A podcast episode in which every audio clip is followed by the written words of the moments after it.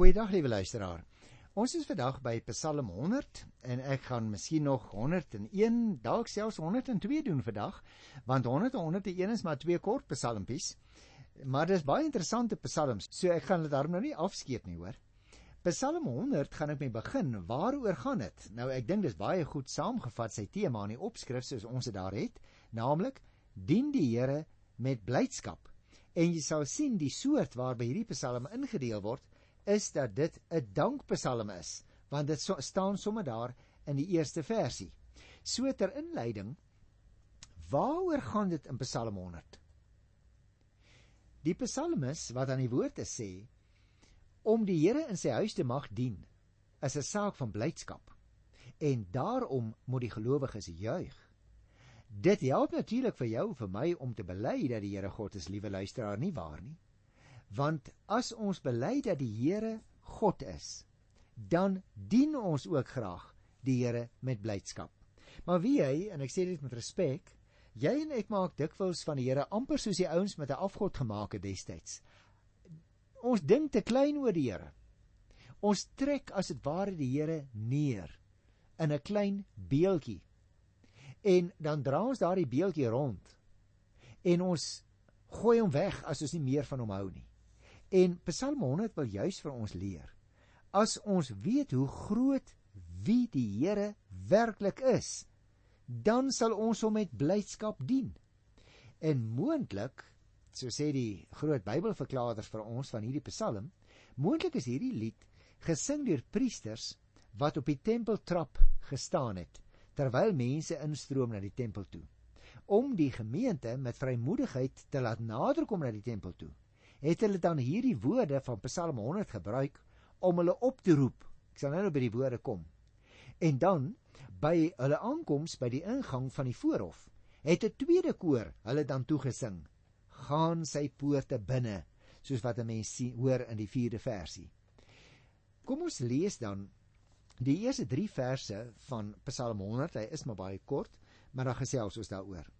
Juig tot eer van die Here, almal op aarde. Dien die Here met blydskap. Kom voor hom met gejubel. Erken dat die Here God is. Hy het ons gemaak en ons is syne. Ons is sy volk, sy eie kudde. Jy sien, liewe luisteraar, die verwelkoming by en die aansporing om na die tempel toe te kom, is die woordjie wat daar gebruik is, herinner natuurlik sterk aan die oproep soos wat ons dit ook gekry het in Psalm 95 en 96 waar mense opgeroep is om die Here te kom dien. Nou daar was dit 'n baie wye strekking dat ook buitestanders, met ander woorde ongelowiges wat Jahwe, die verbondsgod nie geken het nie, opgeroep is om die Here te kom dien. En hier staan ook nou duidelik dieselfde gedagte in Psalm 100. Almal op aarde. Met ander woorde, almal moet kom. Die gemeente het dus uitgebrei tot oor die grense van Juda.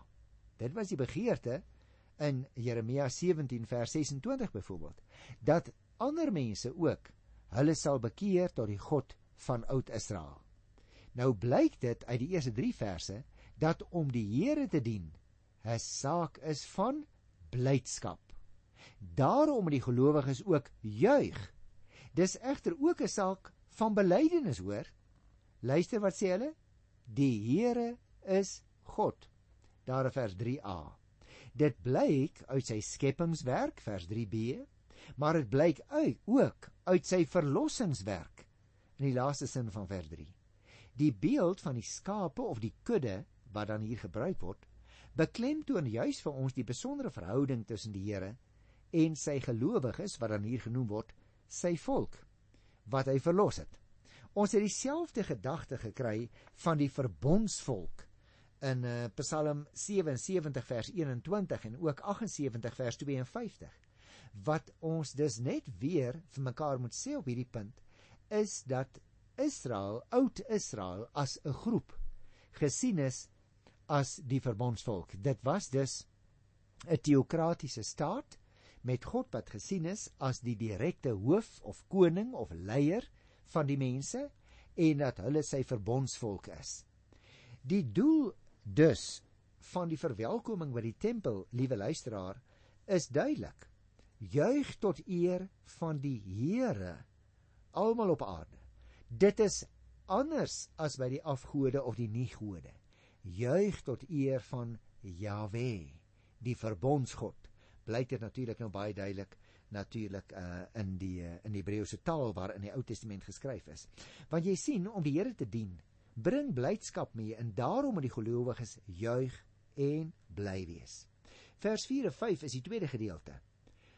Ek het net nou jou gesê moontlik was daar 'n tweede groepie priesters of selfs 'n koor wat by die deur van die poort gestaan het.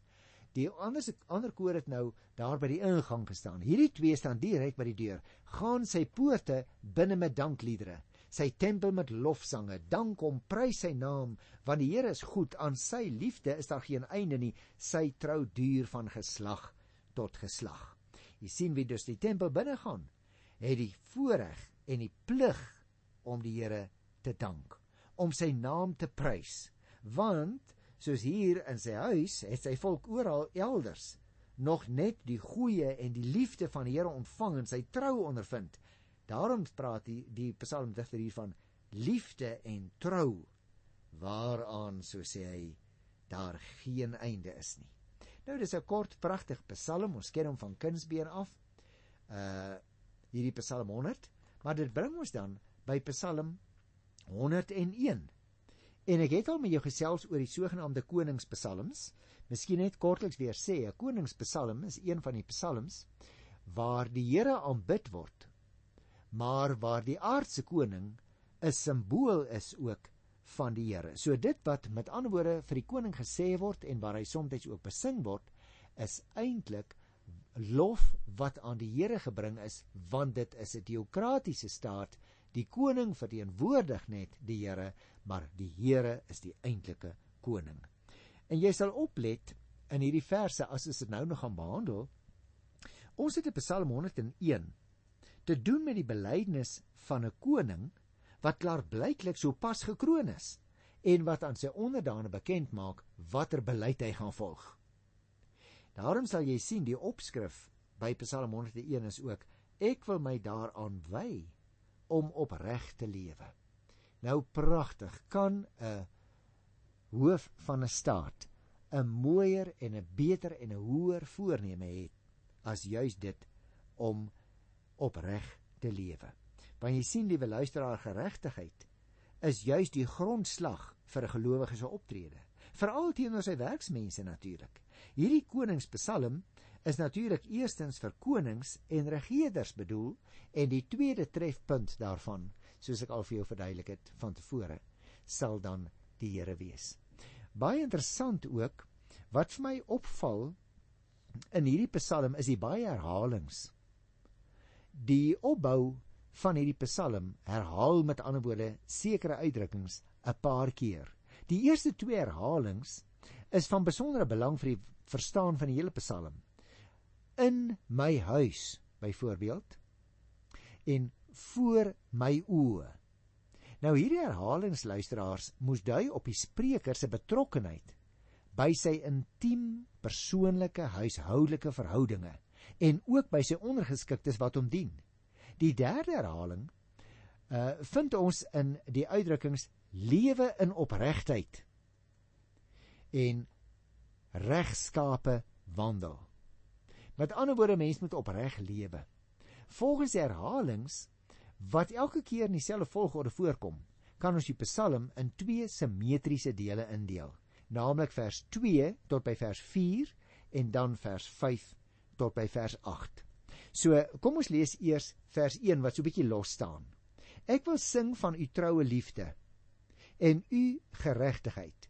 Ek wil 'n lied sing tot u eer, Here. Jy moet nou opmerk, liewe luisteraar, dat voorop in sy beleidsverklaring staan die digter se begeerte om die Here met sang en lied te dien en te eer, sê hy. Met ander woorde, in sy loflied sal hy veral melding maak van God se trou, soos dit blyk uit die sorg vir sy volk en die waarmaak van sy beloftes. Gaan kyk maar in 2 Kronieke 22 vers 7, waar jy die gedagte kry hoe dat die Here ook opgetree het en nou word dit besing dat die Here sy beloftes van dit wat hy gaan doen nou inderdaad waar gemaak het. Maar let nou op. Die koning dink ook aan God se geregtigheid, soos dit blyk uit die manier waarop die Here die koning die wêreld regeer, waarop hy die goddeloses straf en waarop hy die goddeloses beskerm. Nou goed, dit was kortliks die inleiding. Ek het gesê daar's duidelike twee afdelingkies of twee strofes. Die eerste een kry mens in vers 2 tot by vers 4. Kom ek lees dit. Ek wil my daaraan wy om opreg te lewe. Wanneer kom u na my toe? In my huis wil ek lewe in opregtheid. Niks wat sleg is wil ek nastreef nie. Ek haat wat verkeerd is. Dit mag geen nou vas op my hê nie. Valsheid wil ek van my af weghou. Van kwaad wil ek niks weet nie. Nou ek wil amper vir jou sê, liewe luisteraar, kom jy en ek trek ook hierdie jas vandag aan. Dat dit ook die stukkie belydenis is wat ons wil sê, dat daar niks is wat sleg is wat ons wil nastreef nie. Jy merk dus op, die koning maak publiek bekend dat hy die beginsels wat hy wil hê sy onderdane moet onderskrywe in sy eie lewe gaan verwesenlik. Hy sê byvoorbeeld hy wil opreg lewe. Hy wil na die voorskrif van God en wat luister en dit wat verkeerd is, wil hy vermy. Hy wil nie eers daaraan dink dat hy iets wat verkeerd is sal doen nie.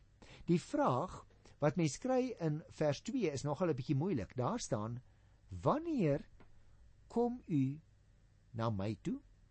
Want jy sien hier staan die vraag as dit ware midde in die belydenis om dit wat hy doen voor die Here te beloof.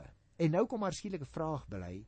Nou uh, liewe luisteraar, hierdie vraag gee nogal vir mense probleme as jy die Psalm probeer verklaar, want uh, dit is asof die koning besef hy sal nie sy onderneming gestand kan doen as die Here nie by hom is nie.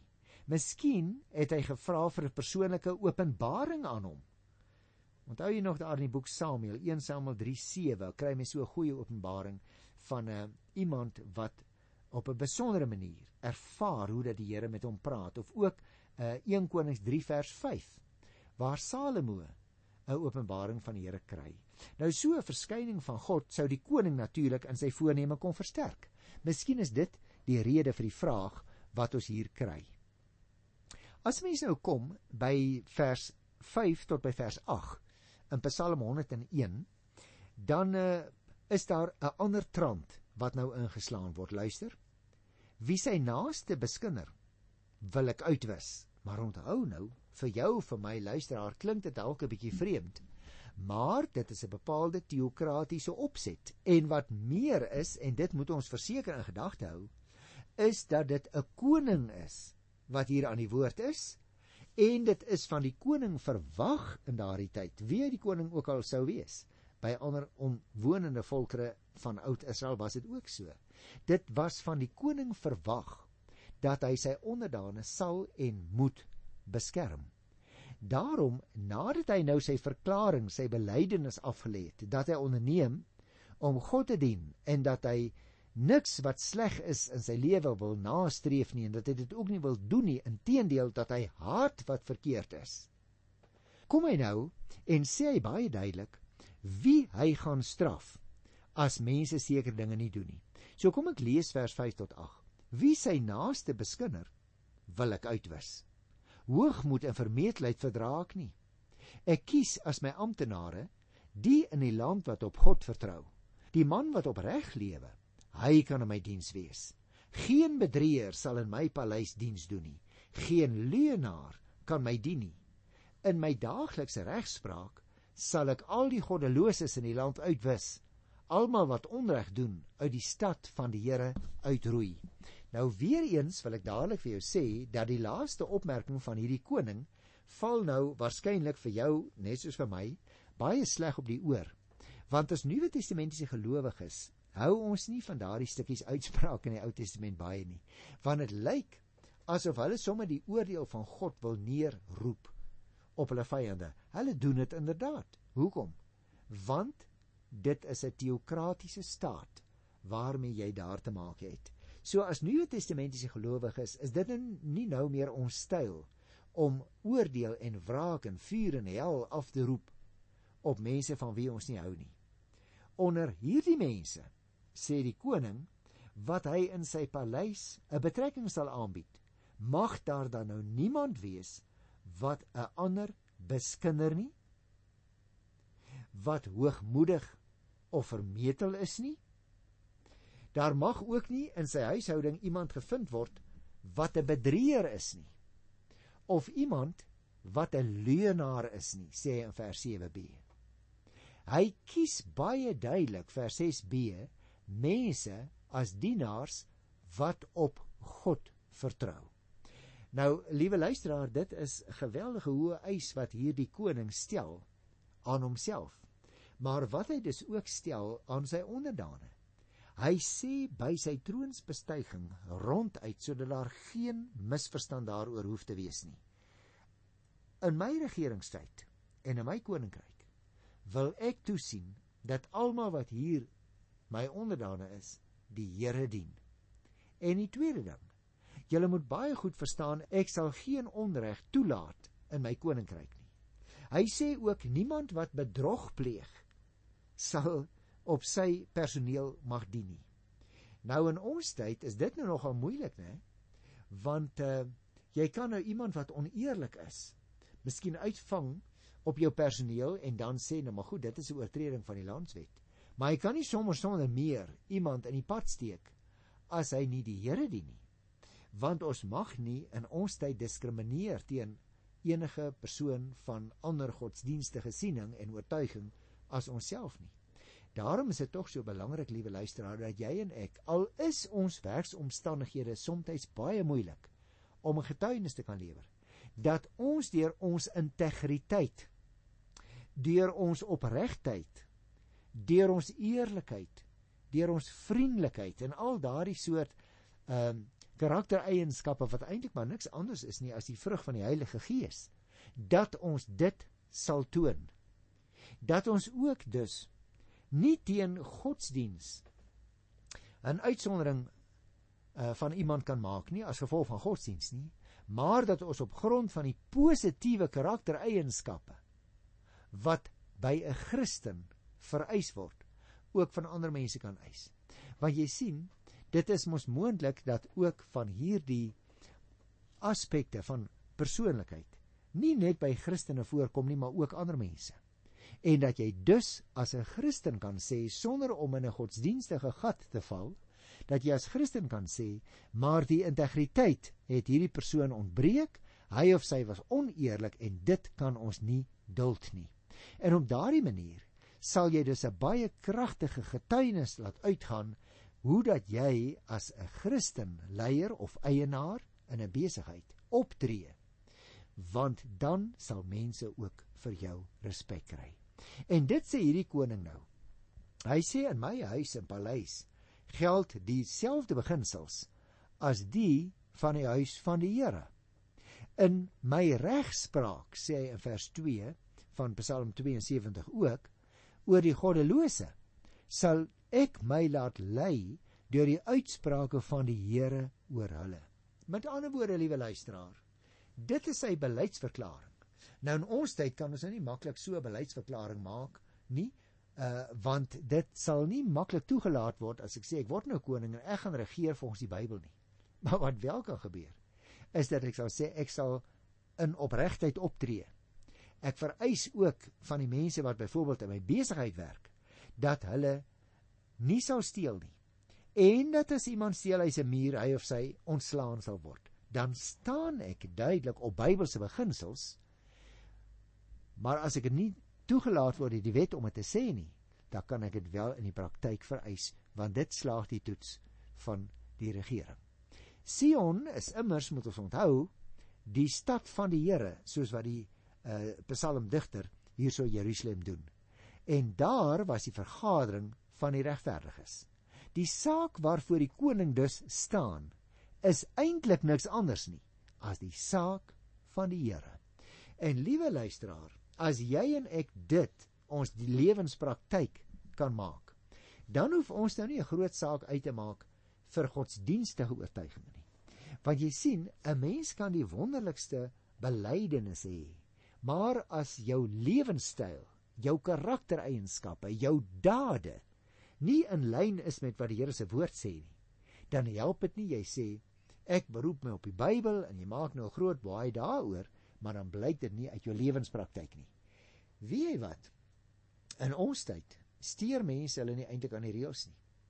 En selfs as ek 'n Christen is en ek sê nou maar dis die reëls van die Bybel, dan gaan 'n ander ou maklik sê nee maar, maar dit gaan ek nie volg nie. So reëls maak nie 'n vreeslike indruk by mense nie, maar wie wat maak wel indruk? Integriteit. Getrouheid. Eerlikheid. Dit is per slot van sake ook die karaktereienskappe wat die Bybel aan ons voorhou. Dit is sekere beginsels wat ons ook in ons besigheid kan laat geld.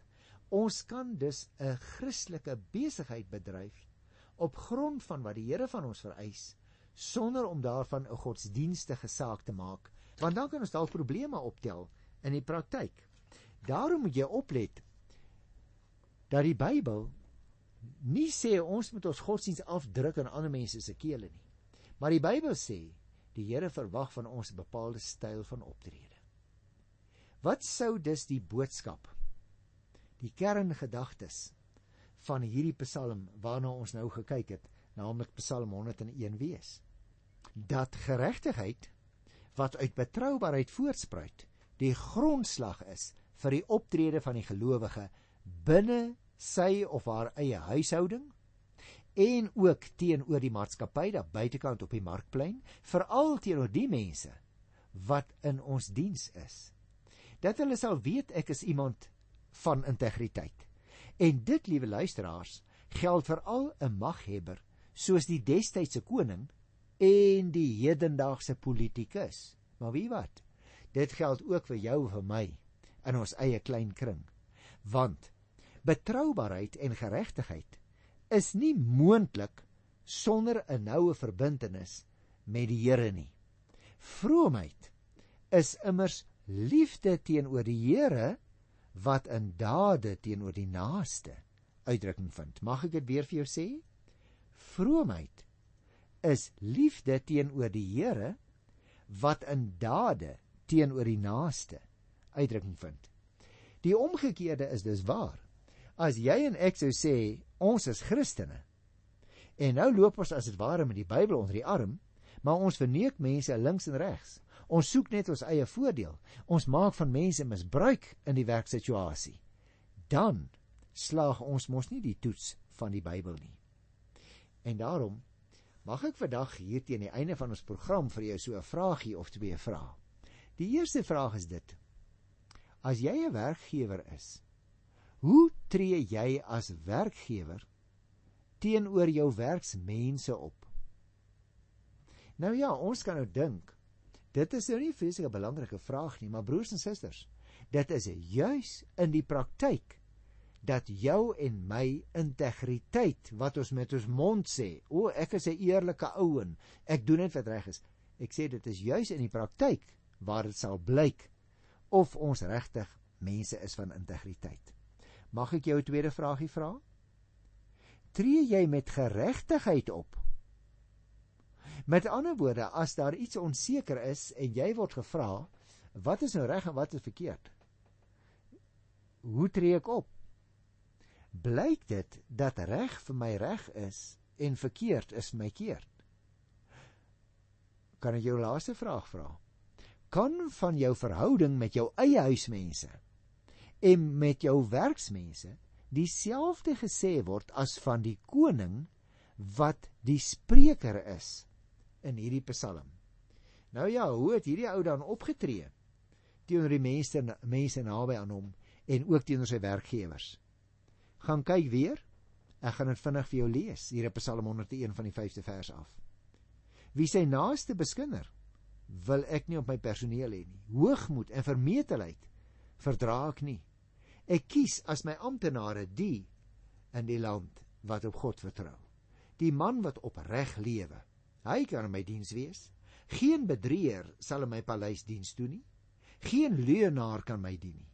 In my daaglikse regspraak sal ek al die goddeloses in die land uitwis. Nou dis ons kan nou nie dit altyd doen nie.